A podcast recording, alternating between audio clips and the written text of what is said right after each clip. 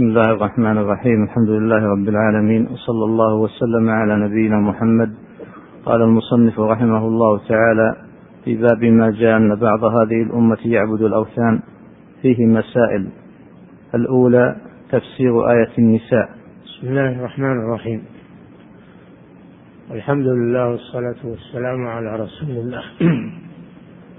قال رحمه الله فيه مسائل. أي في هذا الباب وما ورد فيه من الآيات والأحاديث يستفاد منها مسائل في العقيدة. وهذه المسائل هي فقه الباب. نعم. الأولى تفسير تفسير آية النساء. المسألة الأولى تفسير آية النساء التي أوردها الشيخ وهي قوله تعالى لم تر إلى الذين أوتوا نصيبا من الكتاب يؤمنون بالجبت والطاغوت ويقولون للذين كفروا هؤلاء أهدى من الذين آمنوا سبيلا وقد عرفنا أن المراد بالآية اليهود الذين آتاهم الله الكتاب التوراة والإنجيل وعرفوا الحق وعرفوا أن محمدا صلى الله عليه وسلم رسول من عند الله وأن القرآن كلام الله لكن حملهم الكبر والعناد والحسد على أن كفروا برسول الله صلى الله عليه وسلم وبالقرآن وهم يعلمون أن ذلك هو الحق. ثم ذهبوا إلى أهل مكة إلى المشركين عبدة الأوثان. ذهبوا إليهم يستنجدونهم. على رسول الله صلى الله عليه وسلم. ذهب حيي بن أخطب كعب بن الأشرف من رؤساء اليهود إلى إلى المشركين في مكة يستنفرونهم على رسول الله صلى الله عليه وسلم. فقال المشركون لليهود أنتم أهل الكتاب وأهل علم ونريد أن نسألكم أينا على الصواب محمد أو نحن؟ هل نحن على الصواب ومحمد مخطئ أو نحن على خطأ ومحمد مصيب؟ فحملهم والعياذ بالله الهوى على أن قالوا أنتم أهدى من محمد. أنتم أهدى من محمد.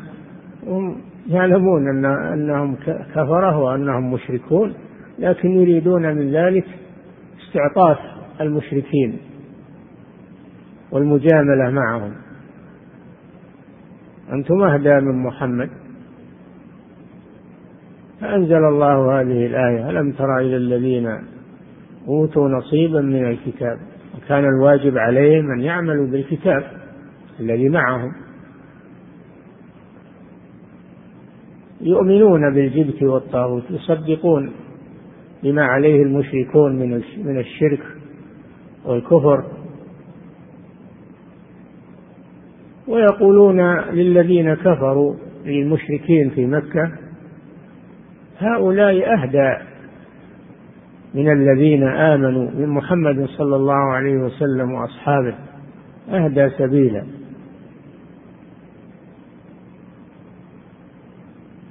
فسمى الله ذلك إيمانا بالجبت والطاغوت مع أنهم قالوه بألسنتهم ولم يعتقدوه في قلوبهم.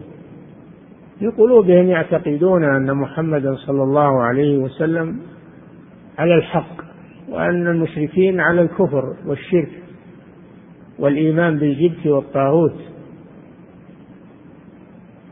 ولكنهم قالوا هؤلاء يهدى من الذين آمنوا سبيلا. فهذا فيه أعظم العبر والفقه وهو أن من وافق المشركين و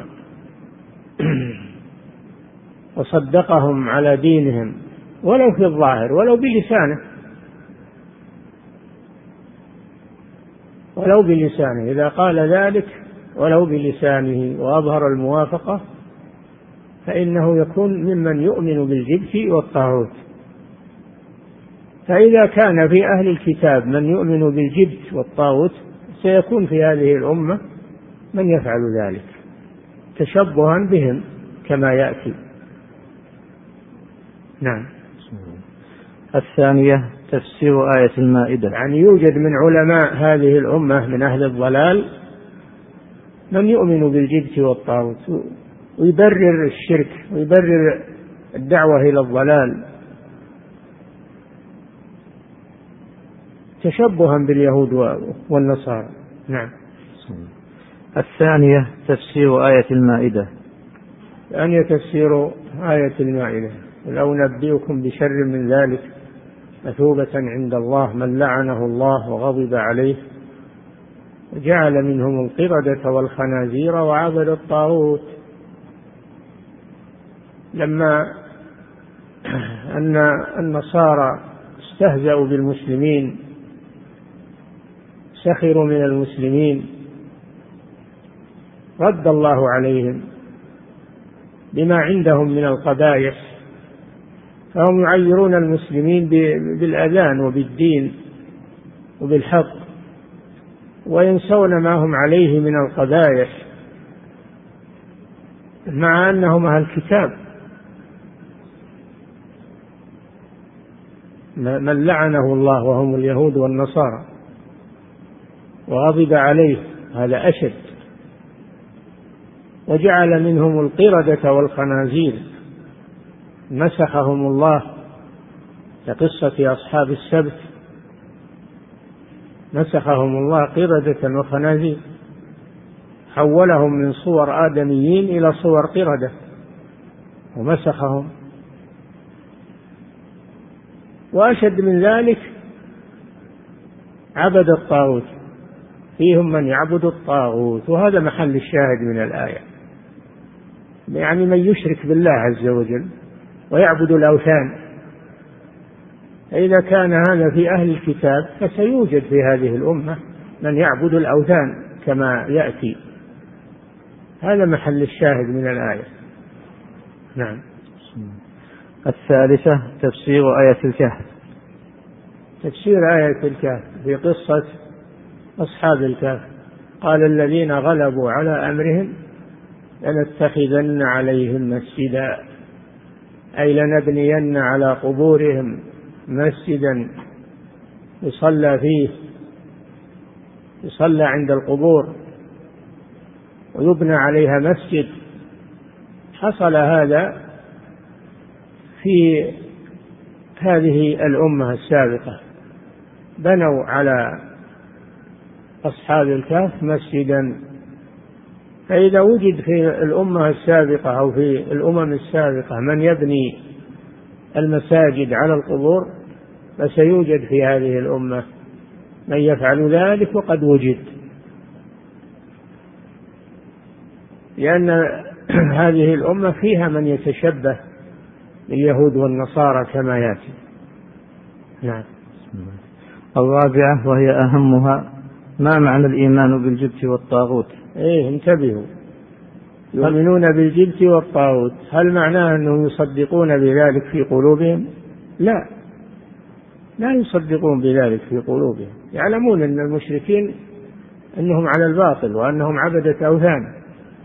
ولكن حملهم الهوى والتعصب والحسد إلى أن يقولوا أنتم أهدى سبيلا من محمد.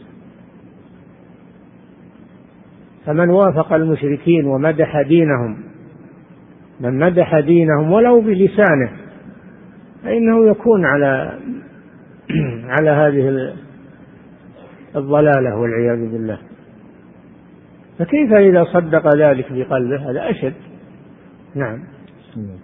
الرابعة وهي أهمها ما معنى الإيمان بالجبت والطاغوت؟ هل معناها الاعتقاد بالقلب؟ لا بد من الاعتقاد بالقلب أو معناها القول باللسان. أن القول باللسان إذا كان كفرا فإنه يكون عبادة للجبت والطاغوت. يتنبه الإنسان لهذا. نعم.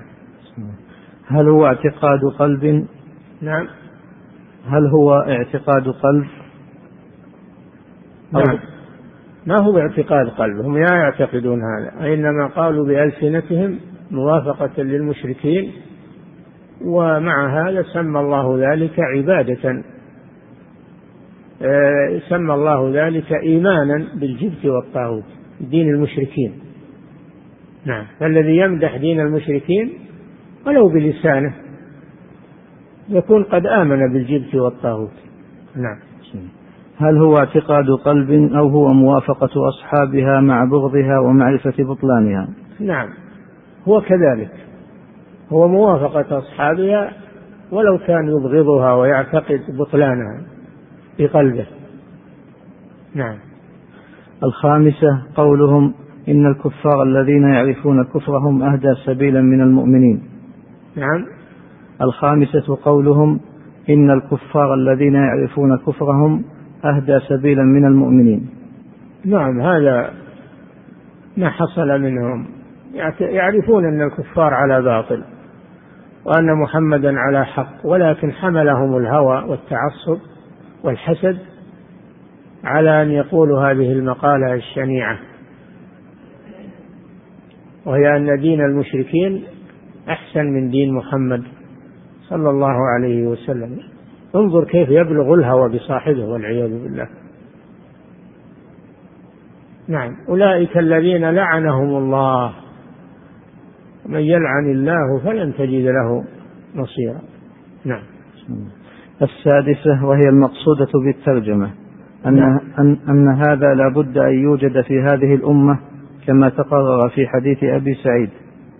أن هذا وهو الإيمان بالجبت والطاغوت على مثل ما حصل من اليهود سيوجد في هذه الأمة. لأن في حديث أبي سعيد الآتي لتتبعن سنن من قبلكم.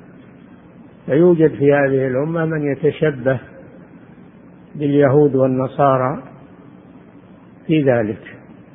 وقد وجد. نعم. السابعة التصريح بوقوعها أعني عبادة الأوثان في هذه الأمة في جموع كثيرة. نعم. السادسة. السادسة وهي المقصودة بالترجمة أنها يعني بالباب ترجمة يعني بالباب. باب ما جاء أن بعض هذه الأمة يعبد الأوثان. نعم. أن هذا لا بد أن يوجد في هذه الأمة كما تقرر في حديث أبي سعيد. نعم. أن أن هذه الأمور التي وجدت في الكفار في اليهود والنصارى والمشركين لا بد أن يوجد نظيرها في هذه الأمة لأنه سيتشبه بهم من هذه الأمة من يتشبه. بدليل حديث أبي سعيد لتتبعن سنن من كان قبلكم. وقد وجد هذا. وجد هذا والعياذ بالله. نعم. السابعة فيه رد على من يقول أن هذه الأمة لا يقع فيها شرك. نعم. السابعة التصريح بوقوعها. أعني عبادة الأوثان في هذه الأمة في جموع كثيرة. يكون من أمتي يلحق حي من أمتي بالمشركين. فئام من أمتي يعبدون الأوثان كما يأتي. وجد هذا. وهذا رد على من يقول إن هذه الأمة لا يحصل فيها شرك.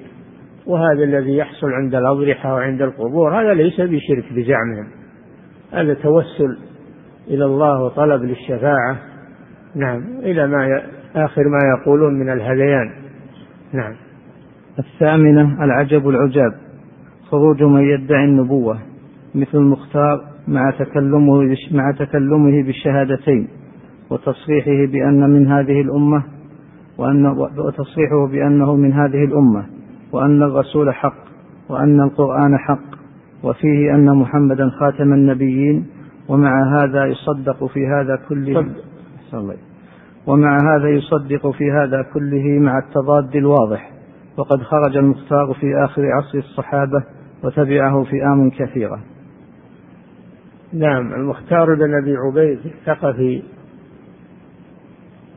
أظهر الإسلام وكان عنده قوة في في شخصيته وفي بأسه. وتتبع قتلة عثمان قتلهم. فأعجب به من أعجب لشجاعته وقوته وغيرته على على أمير المؤمنين عثمان رضي الله عنه. ثم ما لبث أن ادعى النبوة. ادعى النبوة. وتبعه من تبعه من الناس.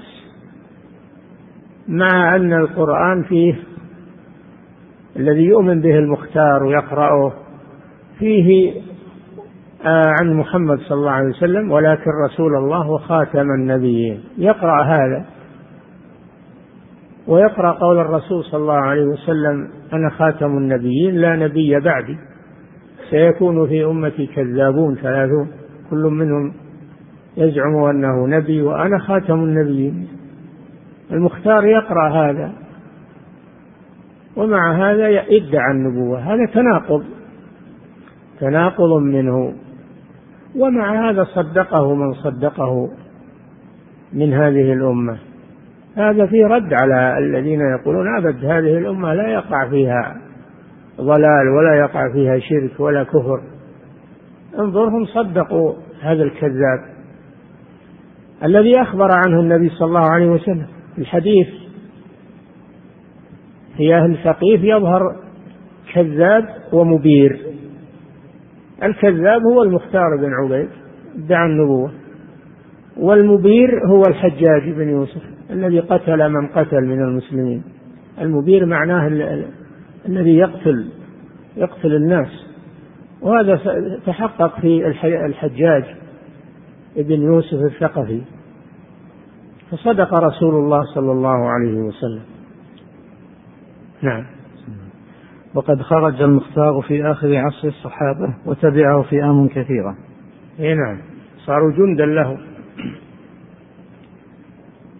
واستولى على الكوفة في زمن عبد الله بن الزبير رضي الله عنه.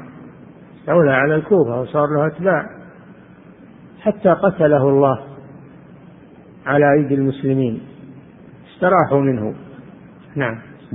والشاهد من هذا أنه صار له أتباع مع أنه كذاب. نعم. التاسعة البشارة بأن الحق لا يزول بالكلية. مع هذه الابتلاءات والامتحانات والشدائد يبقى الحق ولا يزول بالكلية. ويبقى له أنصار وأعوان كما في الحديث لا تزال طائفة من أمتي على الحق. نعم. فلا, فلا ييأس المسلمون إذا اشتدت بهم الخطوب وتكالب عليهم الأعداء فإن الله سيبقي لهذا الدين من يقوم به.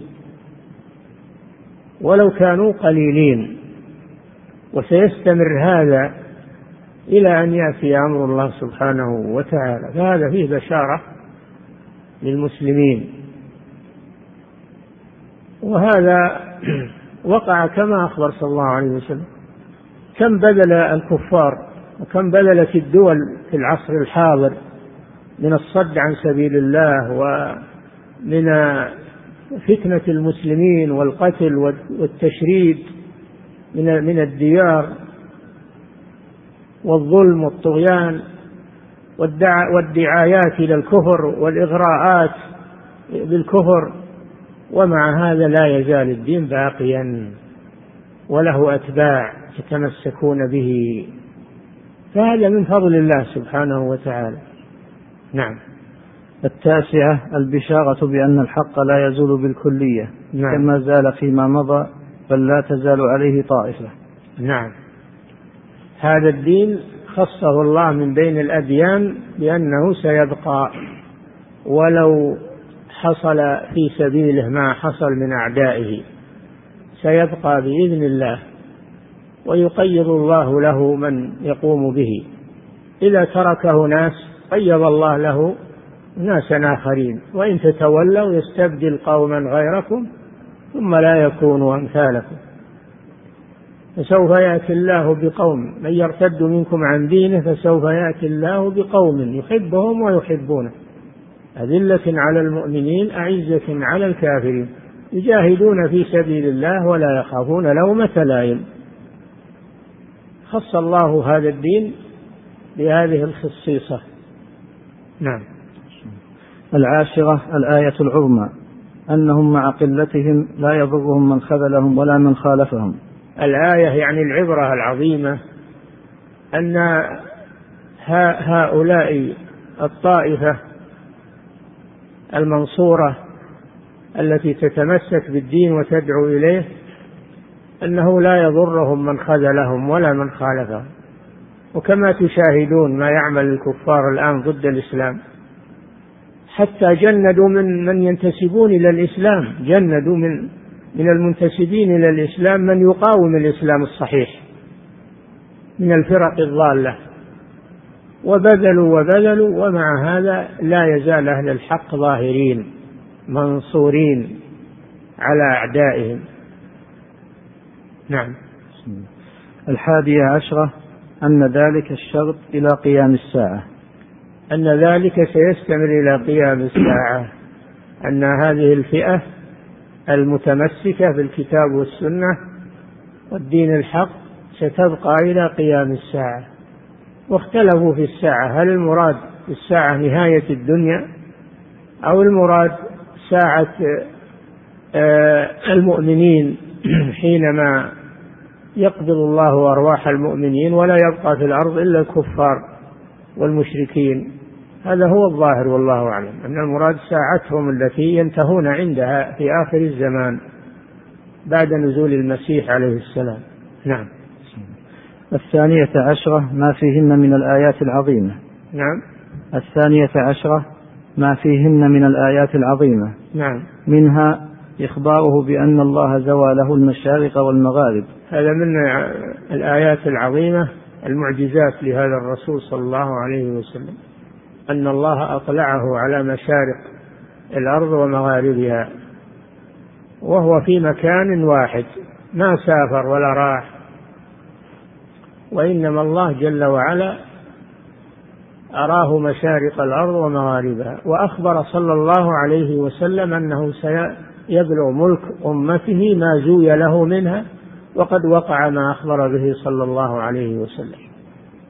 فهذه الأمة امتد سلطانها على الأرض حتى بلغ المشرق والمغرب. نعم. منها إخباره بأن الله زوى له المشارق والمغارب وأخبر بمعنى ذلك فوقع كما أخبر بخلاف الجنوب والشمال. قال المشارق والمغارب ولم يقل الجنوب والشمال لأن أكثر البشر في المشرق والمغرب. أما الجنوب والشمال ففيها قليل وهي متجمدة ولا يعيش فيها إلا قليل من البشر. ولا ذهب إليها الصحابة. ما ذهبوا جنوب وشمال ذهبوا شرقا وغربا. إلى بلاد فارس إلى بلاد المغرب ذهبوا شرقا وغربا لأن هو محل البشرية. نعم. وإخباره بأنه أعطي الكنزين. وهذا من معجزاته صلى الله عليه وسلم أنه أعطي الكنزين الذهب والفضة وقد حصل ما ما أخبر به. فقد استولى المسلمون على أموال الكفار. الذهب والفضة. الذهب والفضة. الذهب الذي عند المجوس والفرس والفضة التي عند الروم. نعم. وإخباره بإجابة دعوته لأمته في الاثنتين. دعا لأمته بثلاث دعوات.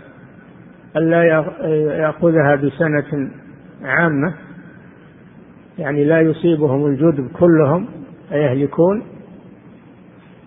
وألا يسلط عليهم عدوا أن لا يسلط عليهم عدوا من الكفار يستأصلهم نهائيا.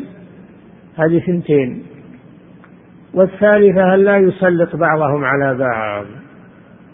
استجاب الله له بالثنتين الأوليين أنه لا يهلكهم بسنة عامة وأن لا يسلط عليهم الكفار تسليطا نهائيا يستأصلونهم ولكنه منعه الثالثة وهي أن لا يكون في هذه الأمة اقتتال فيما بينهم.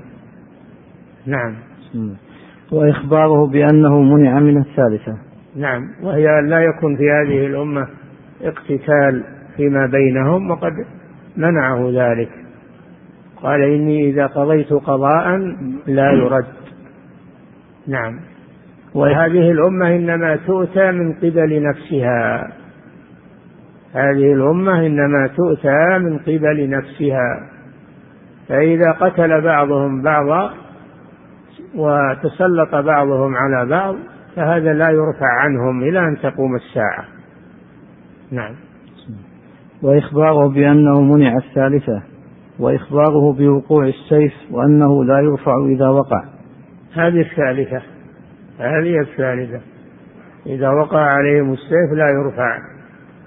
إلى يوم القيامة لا يزال فيهم من يقاتل بعضهم بعضا ويسبي بعضهم بعضا وهذا كما حصل من الحروب التي حصلت بين المسلمين. نعم. وإخباره بظهور المتنبئين في هذه الأمة. سيكون في أمتي كذابون ثلاثون كل يزعم أنه نبي وقد حصل ما أخبر به صلى الله عليه وسلم فظهر المتنبئون في وقته ومن بعده. ظهر مسيلمة والأسود العنسي في آخر حياته صلى الله عليه وسلم ولكن الله قتلهم وأبادهم. ثم بعد ذلك لا يزال يظهر متنبئون كذابون. نعم. وإخباره ببقاء الطائفة المنصورة. نعم هذا من عجائب إخباره صلى الله عليه وسلم بقاء الطائفة المنصورة التي لا يضرها من خذلها ولا من خالفها. لكن وين وين تكون فيه؟ ومن هم؟ الله أعلم بذلك. الله أعلم تتنقل في الأرض فإذا أعرضت بلاد يسر الله بلادا أخرى وإذا أعرض قوم يسر الله ناسا آخرين.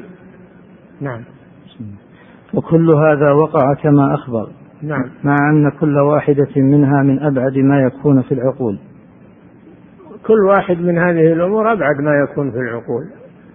أبعد ما يكون في العقل أن هذه الأمة الضعيفة أنها ستملك الأرض وتسقط الدول الكبرى. هذا ما تصدق به العقول ولكن هو بقضاء الله وقدره سبحانه وتعالى. ومنها أن هذه الأمة التي كانت خفاة عراة فقراء أعطاهم الله الكنزين الذهب والفضة وخزائن كسرى وقيصر. ما من يصدق هذا؟ ولكن هذا قضاء الله سبحانه وتعالى. ومنها ظهور الكذابين مع أن القرآن فيه أن محمد خاتم النبيين ومع هذا ظهر من يدعي النبوة. ما تصدق العقول أن أنه سيظهر كذابون مع أن القرآن صرح والرسول صلى الله عليه وسلم صرح لأنه خاتم النبيين. ومع هذا وجد من ادعى النبوة ووجد من صدقهم. نعم. الثالثة عشرة حصر الخوف على أمته من الأئمة المضلين. هذه خطورة عظيمة. كل هذه الأمور تهون إلا ظهور الأئمة المضلين من العلماء والأمراء والعباد في هذه الأمة. يضلون الناس وهم علماء وهم أمراء وهم عباد يضلون الناس. نسأل الله العافية. فهذا خطر عظيم. حصر النبي صلى الله عليه وسلم خوفه فيهم وإنما أخاف على أمتي الأئمة المضلين. نعم. الرابعة عشرة التنبيه على معنى عبادة الأوثان. تنبيه على معنى عبادة الأوثان. أنها اتباع المشركين. يلحق فئام من أمتي بالمشركين. تعبد فئام من أمة الأوثان. ما معنى ذلك؟ معناه أنهم يتبعون المشركين ويصدقونهم ويتشبهون بهم. وليس معناه أنهم يسجدون للأصنام ويركعون للأصنام. عبادة الأصنام ليست محصورة في ذلك. نعم. باب ما جاء في السحر. يكفي. الله تعالى أعلم وصلى الله وسلم على نبينا محمد وعلى آله